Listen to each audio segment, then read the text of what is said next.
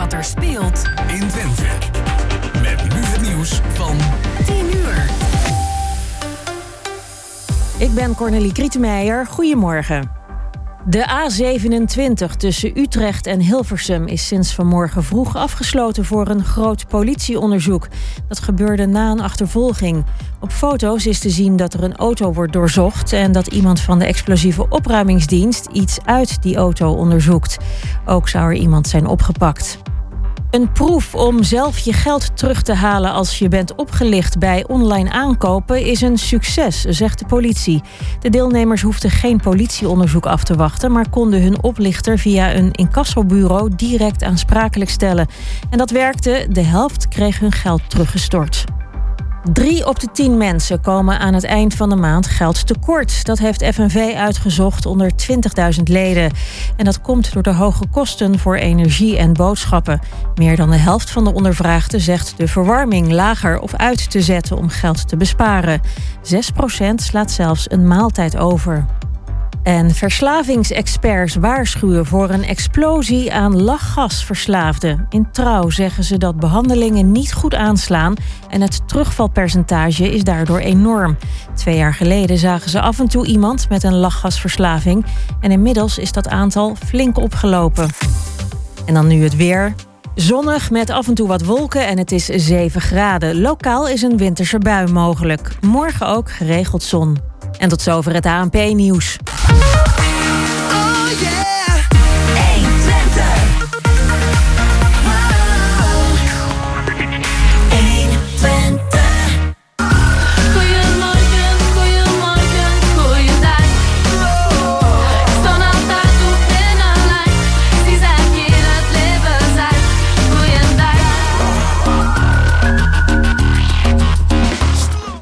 Ja, zaterdagmorgen 2 april, enkele minuten over 10. En dat betekent dat het weer tijd is voor ons live programma tussen 10 en 12. Goedemorgen Hengelo met, uh, zoals elke week, interessante gasten. En naast mij zit Chris van Pelt achter het glas, achter de knoppen. Gerben Hilberink. Ja, goedemorgen. Goedemorgen Fijn Chris. dat we er allemaal weer zijn. Uh, tegenover, tegenover ons inmiddels alweer Frank Kraken. Is ondertussen landelijk bekend uh, dankzij zijn nieuwe zesde boek. Ja. Daar gaan we het zo over hebben. Ja, inderdaad. En uh, verder is de gast uh, Menno Dimitri. Uh, Menno Dimitri Oudekerk. En hij gaat vandaag Viede in de Schouwburg openen. Ja. Wat hebben we nog meer te gast? nou, Jij gaat gast, naar de zo op pad. Ja. Als het interview met Frank voorbij is, dan stap ik in de auto en dan ga ik naar de haven. Ja. Naar de Mullerwerf. En daar is gisteravond de officiële opening geweest van kunstwerkplaats De Mullerwerf. Een project van Irma Bruggeman. En uh, die wil daarmee dus ook uh, uh, ja, de kunst, kunstenaars met elkaar verbinden en tot een hoger plan tillen, laat ik het even heel kort zeggen. Ja, ik ben heel erg benieuwd wat je daar aan gaat treffen. We gaan, ik ga op locatie in ieder geval met Irma praten en misschien nog even met een, een andere interessant persoon die daar rondloopt. Ja. Nou, in tweede uur gaan we nog aandacht besteden aan wat actualiteiten hier uit de regio. En we hebben nog iemand te gast. Ik denk dat het een van onze jongste gasten ooit is. En zij gaat vertellen over een uh, heel leuk project wat ze heeft. Komt samen met de moeder. Heel erg spannend allemaal. En uh, dat in het tweede uur. We gaan zeggen. beginnen met een stukje muziek. Ja. En daarna praten met Frank Raken. En dat is uh, de Steve Miller Band.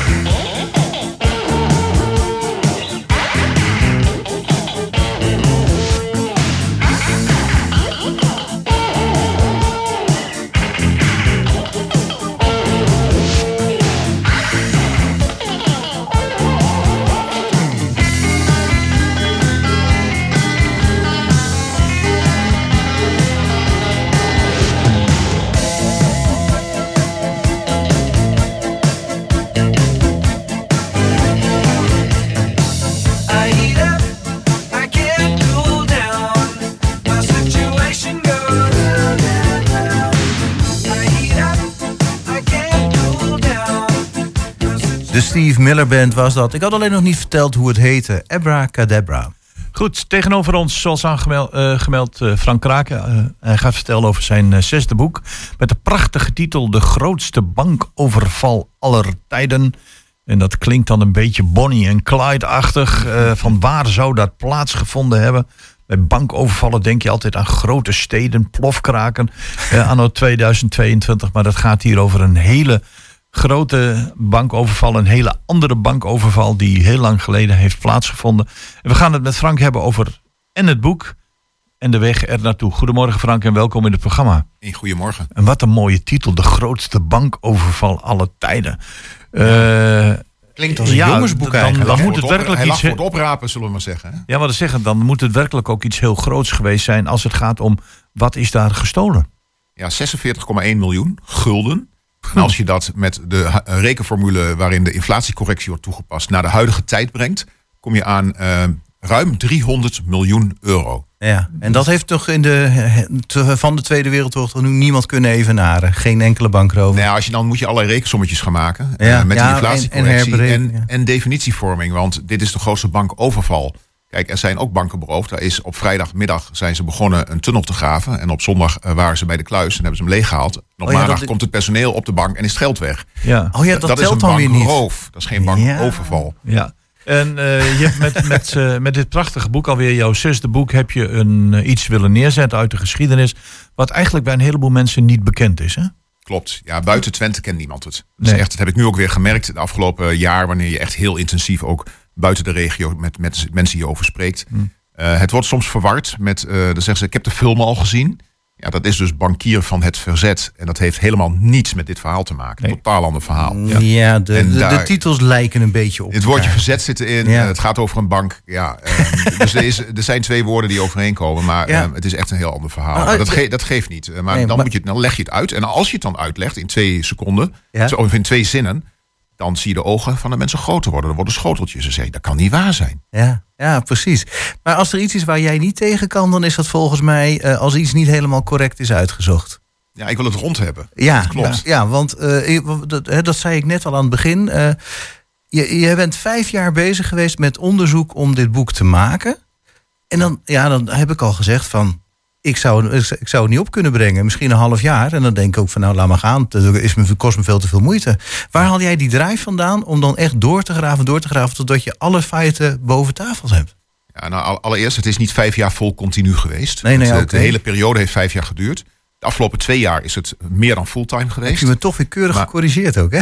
Nou, nou weet je, ik, ik zou het vervelend vinden als de luisteraar denkt dat ik vijf jaar al- alleen maar met het, dit boek bezig ben Nee, dat is ook Maar- waar. Nee, heel maar goed het, dat je het het traject heeft wel vijf jaar geduurd en het kost ook heel veel tijd. Want je zet lijntjes uit naar archieven en bijvoorbeeld naar buitenlandse archieven. Dat loopt ontzettend stroperig. En ehm, het mailtje naar de juiste persoon, dat kost niet de meeste tijd. Maar voordat jij weet waar je moet zoeken, in welk archief en wie de juiste persoon is, dat, dat duurt soms wel een jaar voordat je daarachter bent. Ongelooflijk. Want eh, ik- het, ontstaat met een idee. Er is de grootste bankoverval aller tijden gepleegd eh, in Almelo. Dus hier in deze regio. Ja. En ook nog eens een keer in een periode waar het eh, extra gevaarlijk was. Kijk, als je nu een bankoverval pleegt, tuurlijk eh, Ja. is het minimaal zo gevaarlijk. Maar in die tijd Ja. was het heel erg gevaarlijk. En, en je hebt het verhaal van een aantal moedige mannen uit, eh, uit de En regio. vrouwen moet ik erbij Mannen zeggen. en vrouwen. heb jij eh, ook in dit boek naar voren willen brengen natuurlijk. En niet alleen de overval op zich, maar ook het verhaal achter die mannen. Klopt. Ja. Dat is ook wat ik. ehm, ik heb gesprekken gevoerd met zo'n beetje alle familieleden van deze bankovervallers.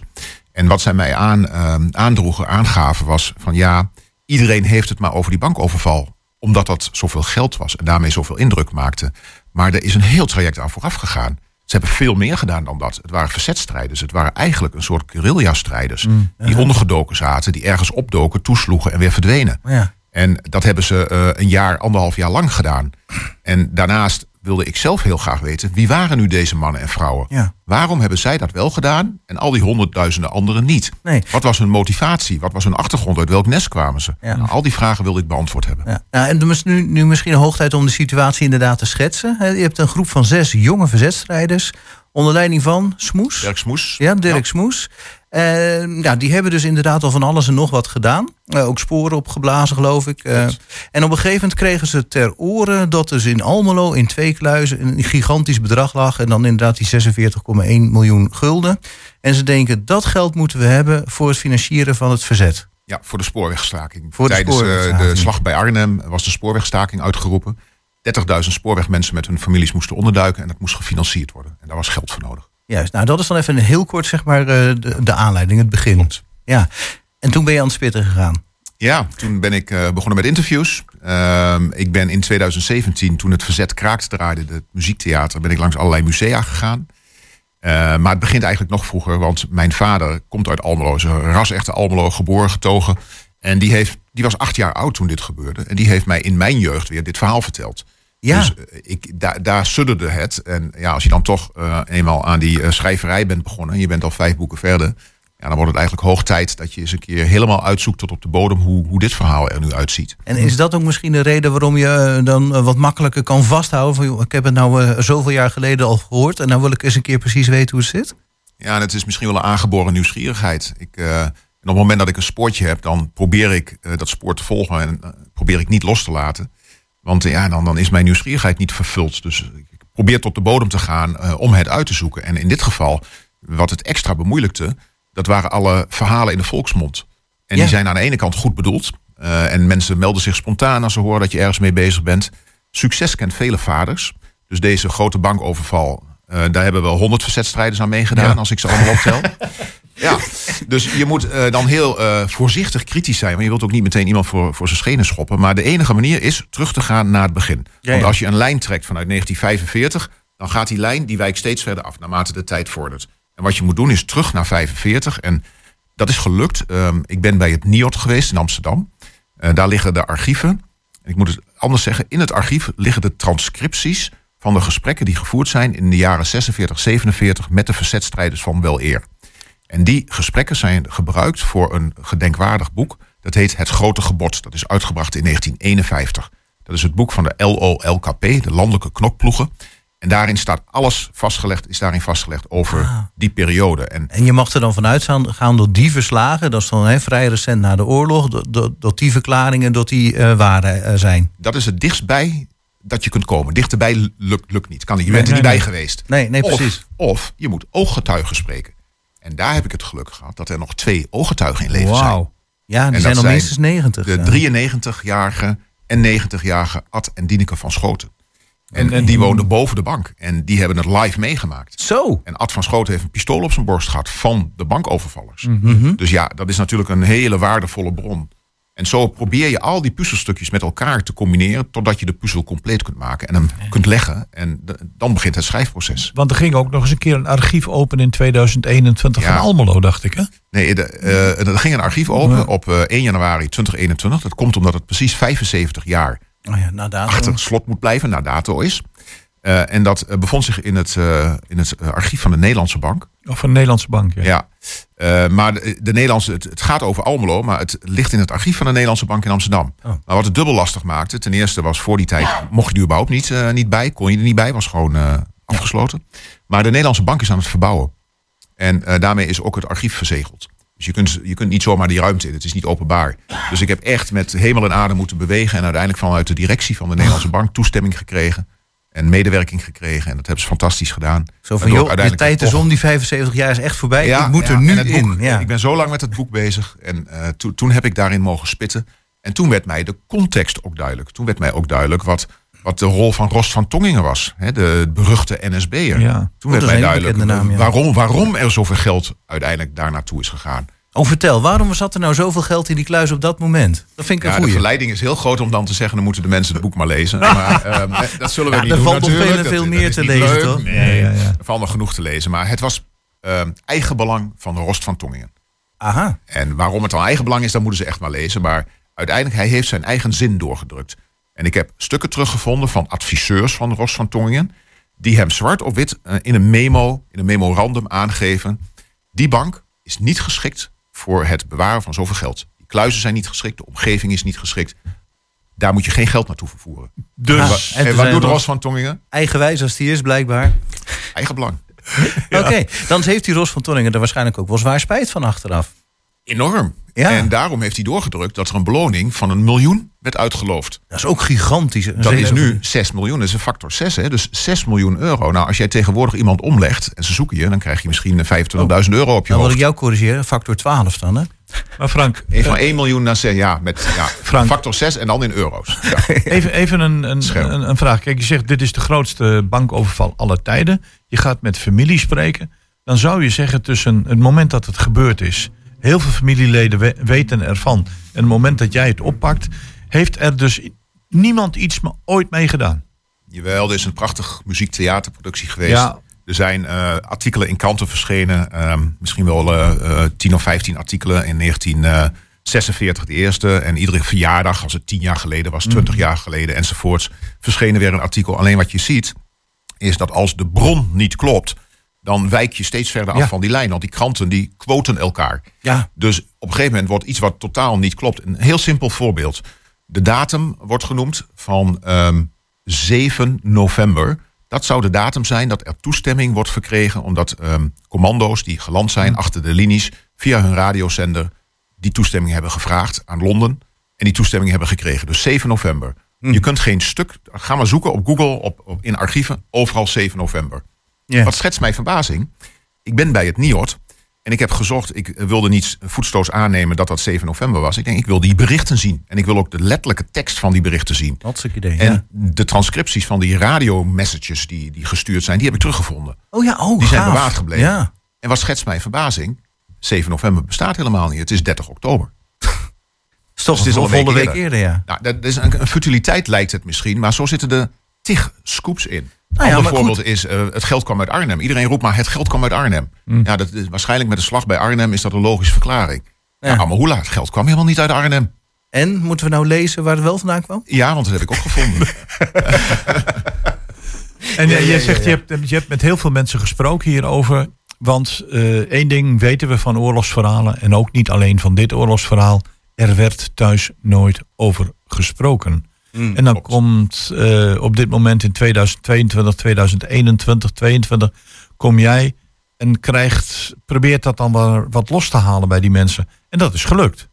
Ja, uiteindelijk eh, kleine dingetjes vaak. Ja. Ehm, eh, iedereen zegt hetzelfde. Er werd thuis niet over gesproken. Dat was Mm. eigenlijk het mantra wat, wat overal gold.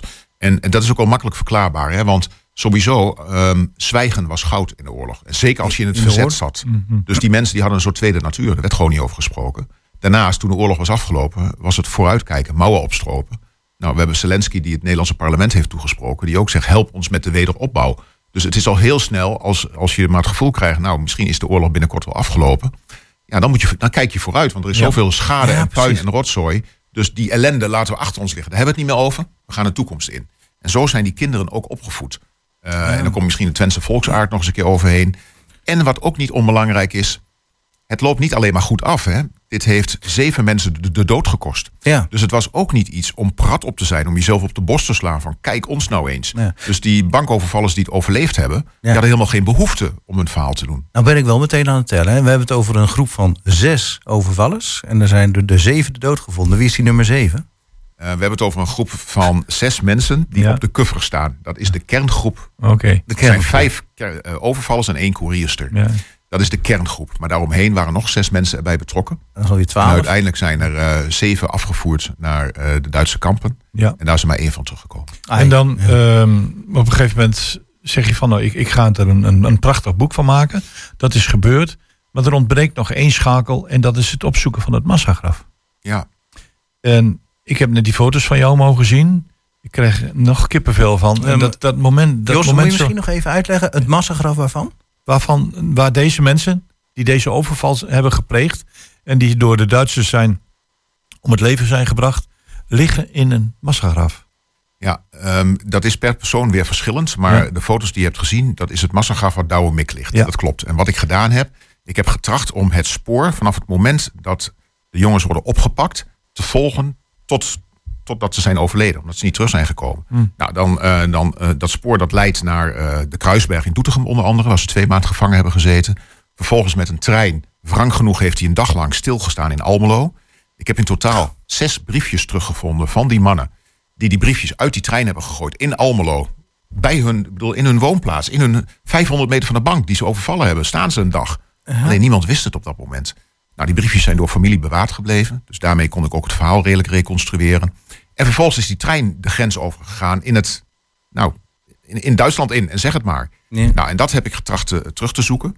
Eh, daarom ben ik in Neuengamme geweest, het hoofdkamp. Daar zijn ze allemaal terechtgekomen. En toen zijn ze, een deel is in Neuengamme gebleven. Een deel is naar Wubbelin gegaan. En dat is waar ik het massagraf heb bezocht. In Wubbelin zijn in totaal vijf verzetstrijders omgekomen. En eh, vier daarvan liggen in een, ehm, in, een- in een zelfstandig graf. Maar dan weten ze niet precies wie in welk graf ligt. Oké. En 83 liggen er echt in een massagraf. Dus in één groot graf waar al die mannen zijn dit in, in dit geval terecht zijn gekomen. Daar ligt Douwe Mik dus ook. Nou, ik heb een terreinwagen, dat was me goed ook. Want het ligt midden in het bos. Het is een beetje... Aan de ene kant is het luguber en macaber als je daar staat. Zo dat sfeertje is, een sinister sfeertje is het ook. Aan de andere kant is het de ultieme vrijheid voor die mannen waar ze voor gevochten hebben. Ja, de vogels fluiten midden in het bos, niemand doet ze wat. Dus het is een heel dubbel gevoel. En ik vond het een soort eerbetoon. Ik denk, ik ben zo lang met dit boek bezig. Ik wil de graven van deze mannen bezocht hebben. Nou, dat is mooi. We moeten gaan afronden, Frank. Eh, ik, je hebt ons net verteld dat eh, de tweede druk eh, eraan zit te komen. Want de eerste druk is, Yes. eh, is helemaal op. Je bent Ja. helemaal door je boek heen. Je wordt een beetje geleefd op dit moment. Maar goed, dat, dat proces, dat ken jij. Je gaat van nog- boekhandel naar boekhandel, van omroep Mhm. naar omroep. Ja? Ik heb nog één vraag. Ja? Ehm, er zijn, zijn zoveel zijverhalen ondertussen, merk ik. Ehm, is dat geen aanleiding om nog een van die aspecten weer nader te gaan onderzoeken voor een volgende boek? Nou, eh, goede vraag. Ehm, het boek was oorspronkelijk misschien ook al twee keer zo dik. Maar ik heb een goede redacteur. Die heeft ontzettend gesnoeid. En ik hoor wel van mensen dat ze nu zeggen, eh, nog steeds zeggen van wat veel verhalen. Maar ja, weet je, dat, zo was het verzet. Het was niet, het was een spinnenweb. En dat is wat ik heb geprobeerd ook te duidelijk te maken. Maar wat ik doe is, ehm, ik heb in totaal 30 lezingen en presentaties in het land staan. Ik trek inderdaad de komende twee maanden dwars door Nederland. eh, zegt, ja? En daar vertel ik die verhalen. Want het is helemaal niet leuk als ik het boek ga zitten voordreunen in zo'n zaal. Eh, het is veel leuker als je de dingen vertelt die men nog niet weet of niet kan weten. Ja. Dus Ja, of die rondom de dingen in het boek staan. Precies, of die raakvlakken hebben die het boek niet gehaald hebben, maar wel relevant zijn. En dat zijn de verhalen die ik vertel. ja. Goed. Maar ga je er wat mee doen? Wel, Komt, maar- daar komt geen tweede boek van. Nee, oké, duidelijk. De grootste bankoverval aller tijden. Het zesde boek van Frank Kraken. Inmiddels bij alle boekhandel te koop. En het, eh, u moet het gaan lezen. Want het is een verhaal wat teruggrijpt naar een van de grootste zaken tijdens de Tweede Wereldoorlog. Waar wel verhalen van waren. Aparts. Maar nu verschenen in een boek. En zeker de moeite waard. Eh, bedankt voor je bijdrage aan dit programma, Frank. Graag gedaan. En eh, succes. Maar dat eh, gaat ongetwijfeld lukken.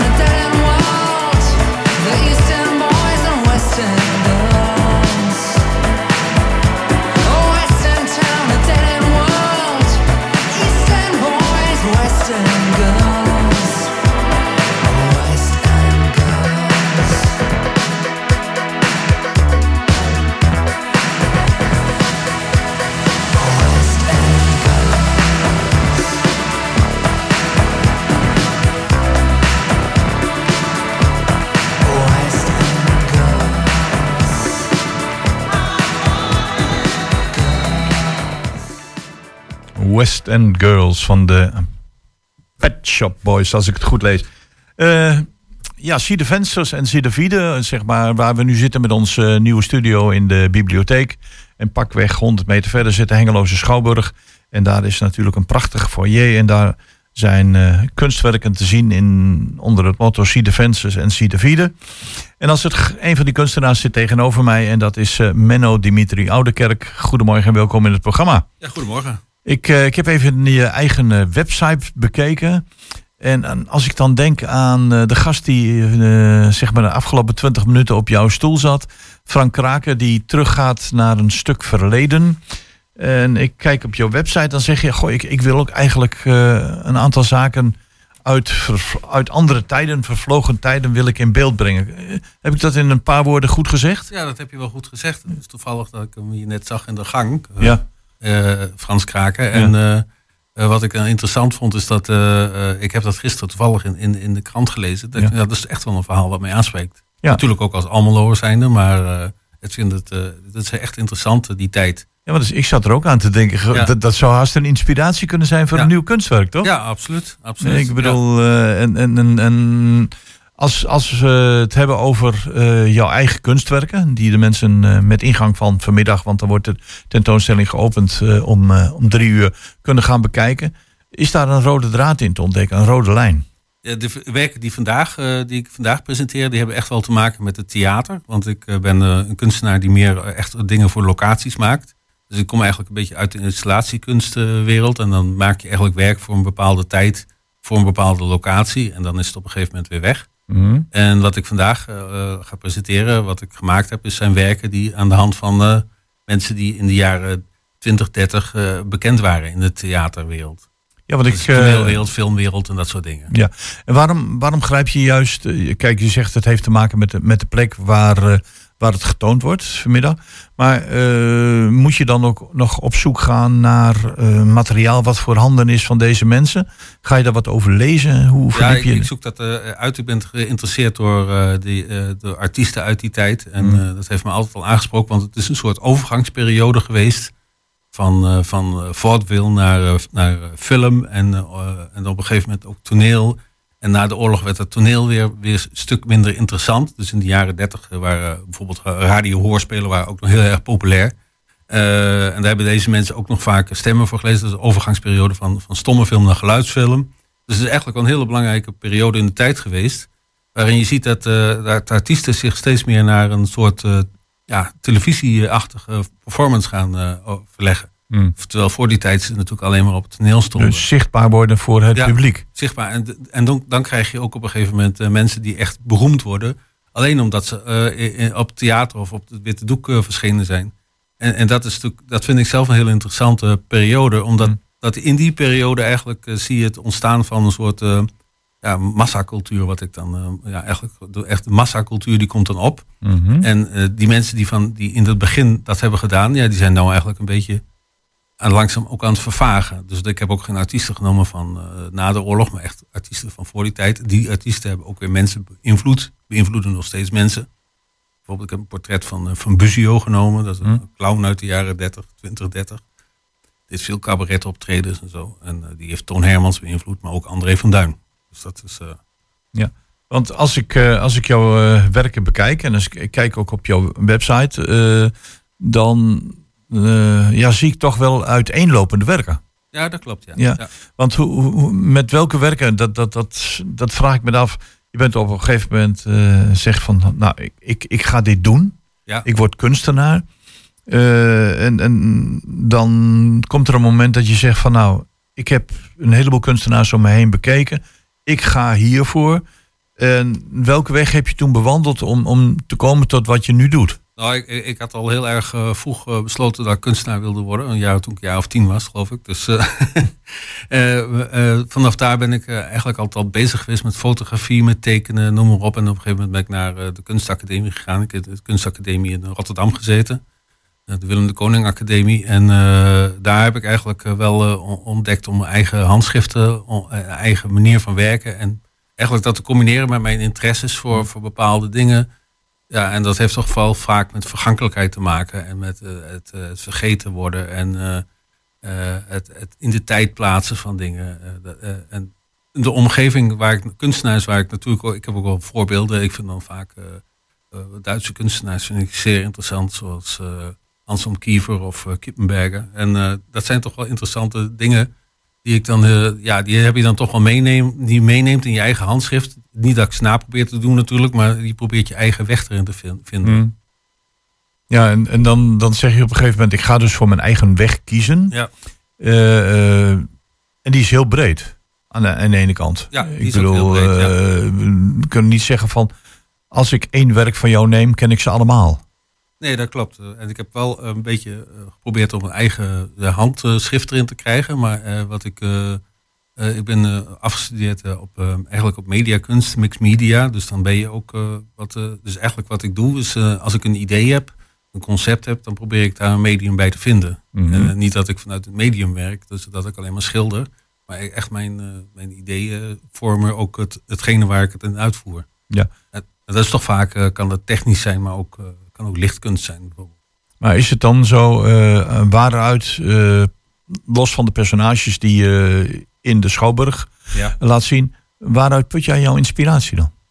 Ik haal me, van, ik haal me eh, uit de geschiedenis en uit de kunstgeschiedenis. Ik, ben ook, ik heb ook kunstgeschiedenis gestudeerd. En daar haal ik toch wel heel veel inspiratie uit.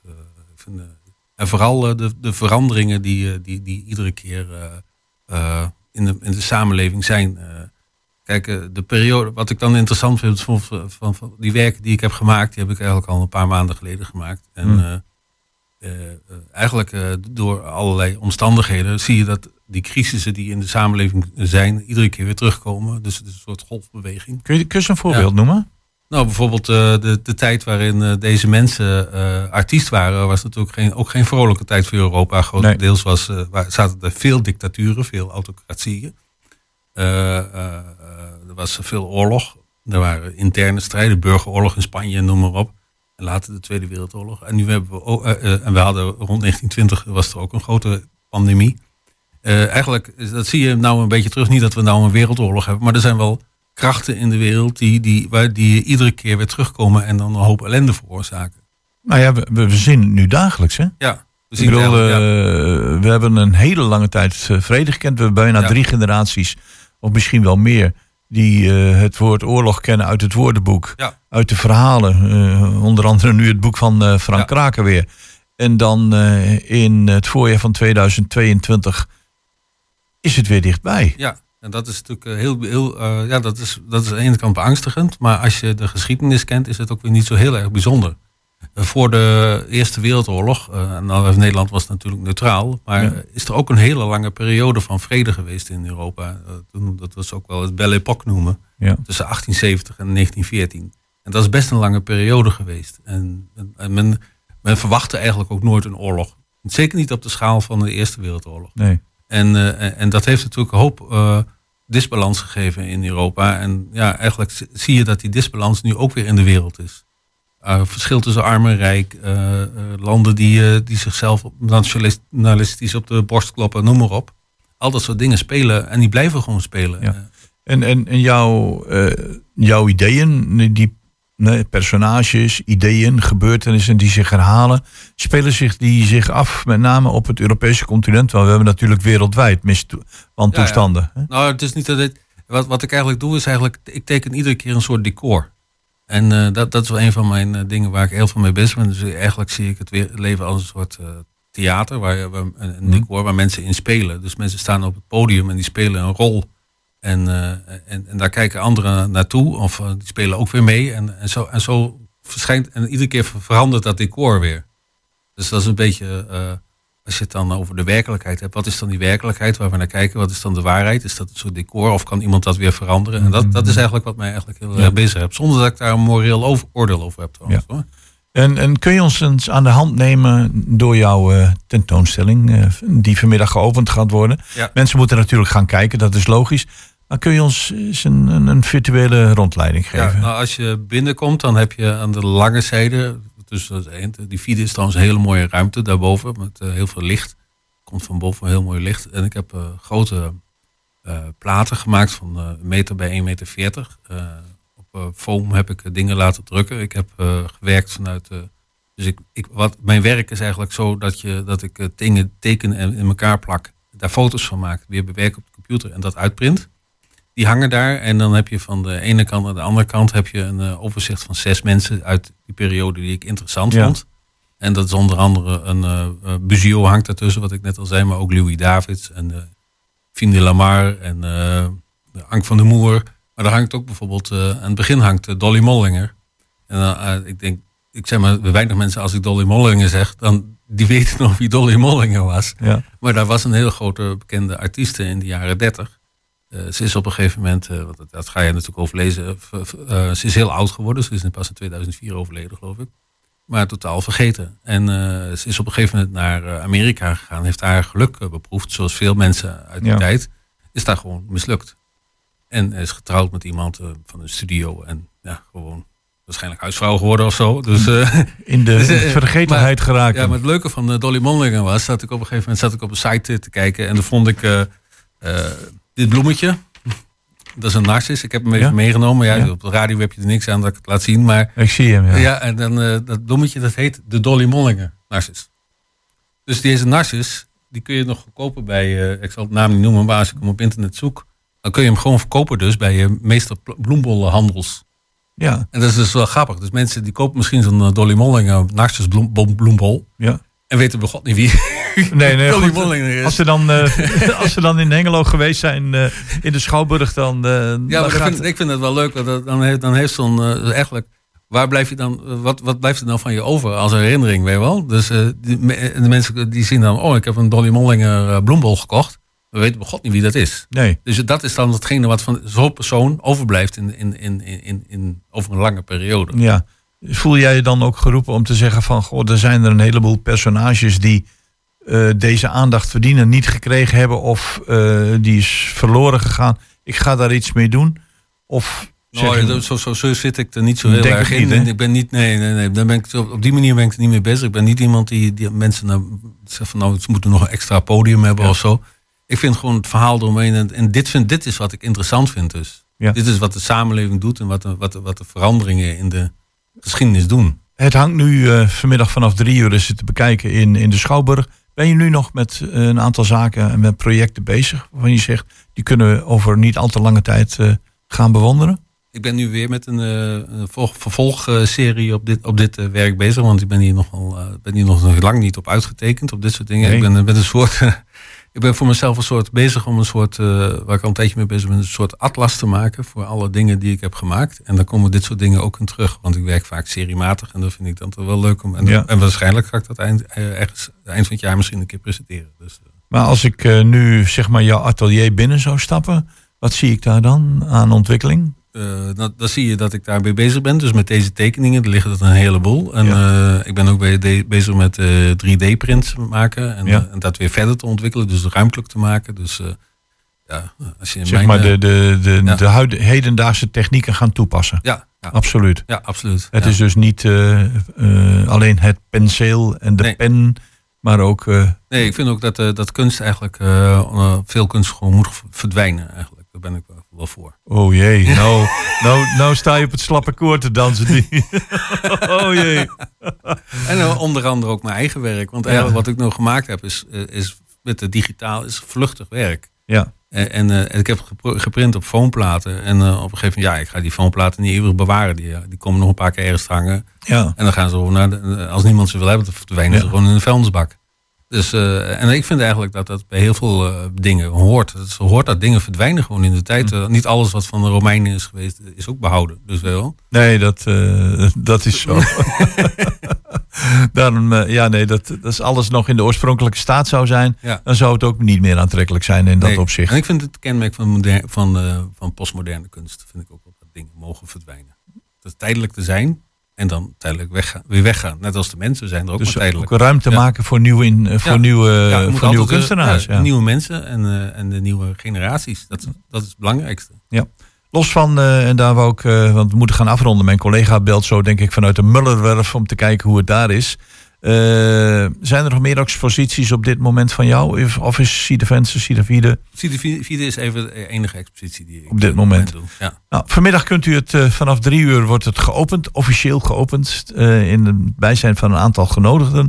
En voor de mensen die dan naar Schouwburg gaan of naar binnen lopen, die kunnen dat daar gaan bewonderen op de eerste etage, dacht ik dat het zit. De werken van, van onze gast.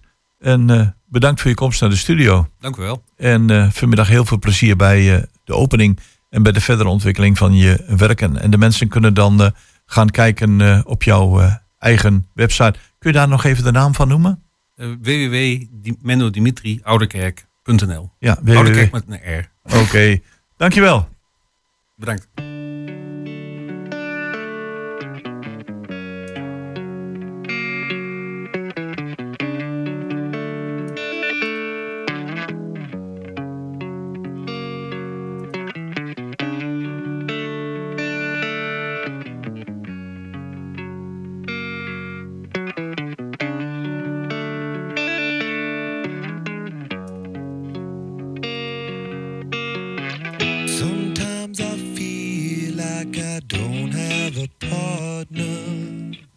Sometimes I feel like my only friend is the city I live in, the city of angel. Lonely as I am, together we cry.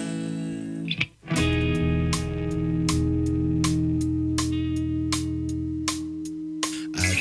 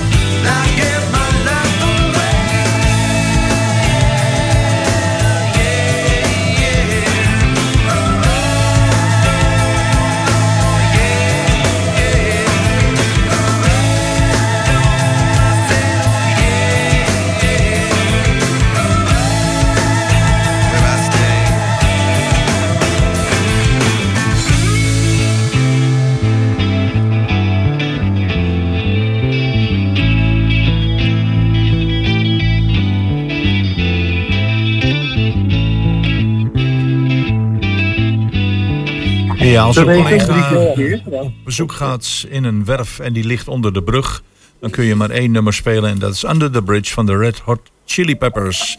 Chris van Pels, welkom in het programma. En je bent op de Mullerwerf en als het goed is heb je Irma Bruggeman bij je.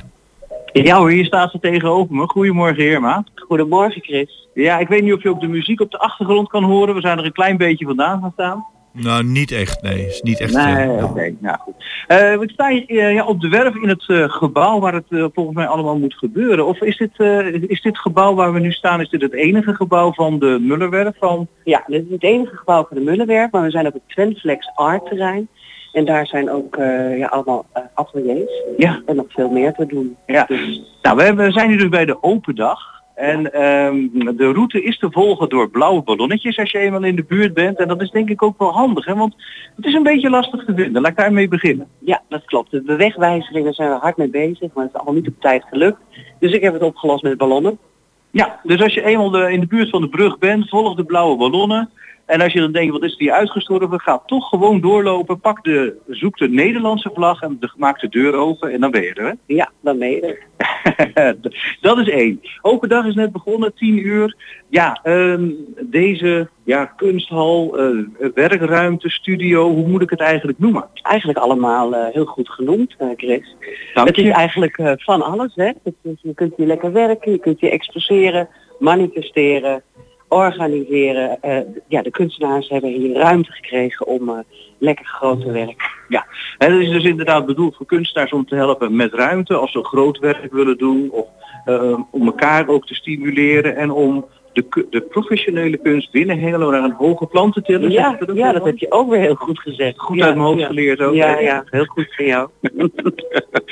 Ehm, ja, wat, eh, wat vind je er zelf van? Je hebt gisteravond trouwens, eh, heb je de officiële opening gehad. Ja. Het was hartstikke druk hoor. Oh man, ze hingen er echt met de benen uit. Het was eh, fantastisch.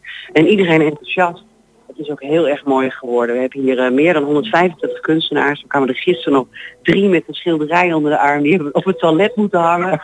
Want het gewoon helemaal vol is. Ik ga zo naar het toilet. Ik ga Ja, kijken. moet je doen. Is ook een beleving.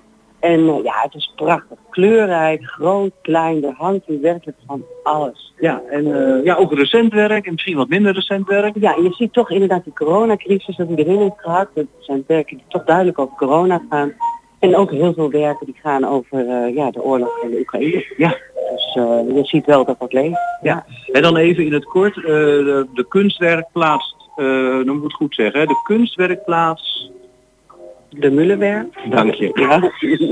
Die is dus bedoeld voor kunstenaars die kunnen ruimte huren. Hè, honderd- Nee, nee, nee, die kunstenaars die kunnen zeg maar 120 euro per jaar betalen en daarvoor mogen zij 100 uren gebruik maken van deze ruimte. Maar je voor hun geen project. huur? Nee, want dat is, niet- dan, dan denken mensen dat ze een atelier komen huren. En dat is niet zo. Ze betalen eigenlijk puur om deel te nemen aan het initiatief. En met elkaar hier een mooi programma te realiseren. Nou, en dan je er echt een tentoonstellingsruimte van gemaakt. Hè? Inderdaad met tussenwandjes, Ja. schilderijen erop, allerlei kunstwerken, ook 3D heel veel. Ja. Ehm, ja, het is bijna te veel om op te noemen. Nou, we hebben in ieder geval alle topkunstenaars van Twente hier hangen. Dat eh, mag ik wel zeggen. Ivo Kamphuis, Paus Brummelhuis. ja, het is echt eh Arend Wevers, Danja Wevers. Het, fantastisch. Echt mooie, goede kunstenaars die hier eh, bij elkaar hangen. Ja. Eh, zijn dat dan ook kunstenaars die hier dan ook eh, gewerkt hebben al? Of? Nee, daar zijn we nog te jong voor natuurlijk. Maar het zijn wel kunstenaars die allemaal al mooie plannen hebben ingediend. En waarvan een deel ook al te zien is op de agenda. Op Ja. de agenda. Ja. Ah, oké. Ja, eh, dat zijn hartstikke mooie werken. Ik ben er ook nog maar net. Ik heb nog niet eens de helft gezien volgens mij. Mhm. Heb je er ook nog iets van jezelf tussen gehouden? Ja, maar klompen natuurlijk. Oh, je klompen? Ja. Oh, die, nou, daar ben ik nog voorbij gelopen. Daar ga ik zo wel eens Ja. even goed naar kijken. Jos, heb jij nog vragen? Nou ja, wa- wat ik, me, eh, wat ik me afvraag, het ziet er, ik heb inmiddels een aantal foto's voor me gezien. Kun je, het, eh, kun je het zien dat het eigenlijk een combinatie is, zoals je dat omschrijft, tussen een werkplaats en een galerie? Maar vraag je dat aan mij? eh, of Ja, aan ja, ja. Jou natuurlijk. Ja. Nou, op dit moment is het natuurlijk wel echt als tentoonstellingsruimte ingericht. ja. Eh, en dat is de komende drie weken ook nog wel zo.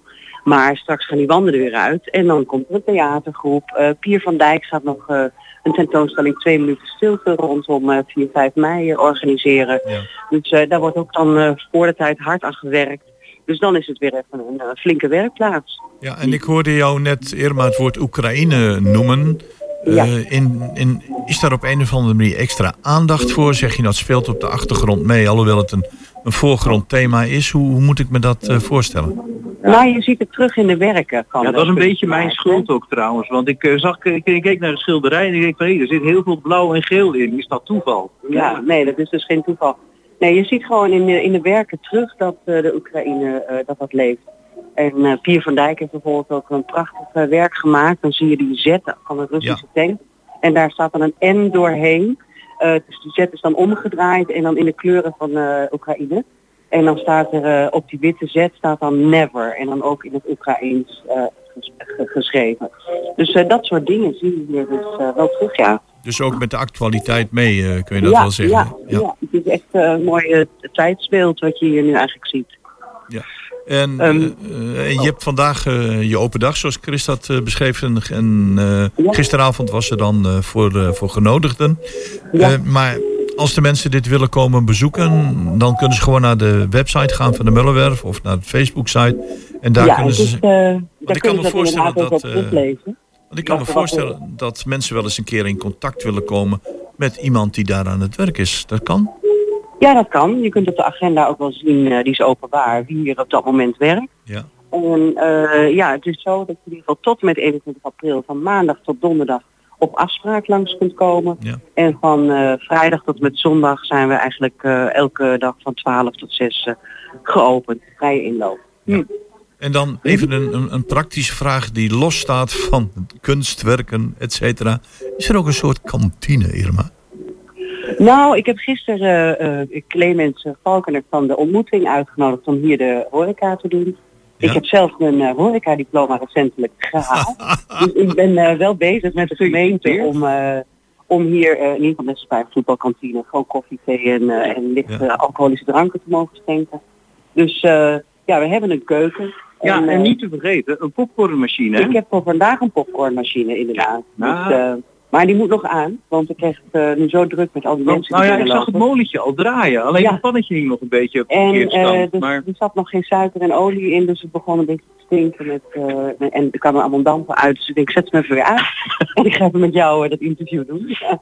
oké, oh, dus dan hou ik je eigenlijk op. Eh, De, de, de popcorn duurt iets langer, maar na 11 is er vast popcorn. Ik hoop het. Ja. Ik, ik heb nog één laatste vraag voor Irma. Ik bedoel, je, je, gaat, je bent hier 200% mee bezig. Dat zie je ook eh, in alle media.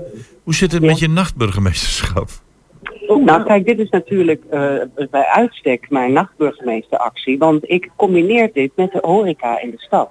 Hè, vandaag was dat dan eh, toevallig de ontmoeting, Ja. maar Clemens, hoe het nou, Thomas Goorhuis van Merlijn, Simone, eh, hebben allemaal al aangegeven dat ze hier heel graag dingen willen organiseren. Dus ik vind dit eh, ja, bij uitstek een nachtburgemeesteractie, waar wel zowel de kunst als de economie als de horeca eh, in samenkomt.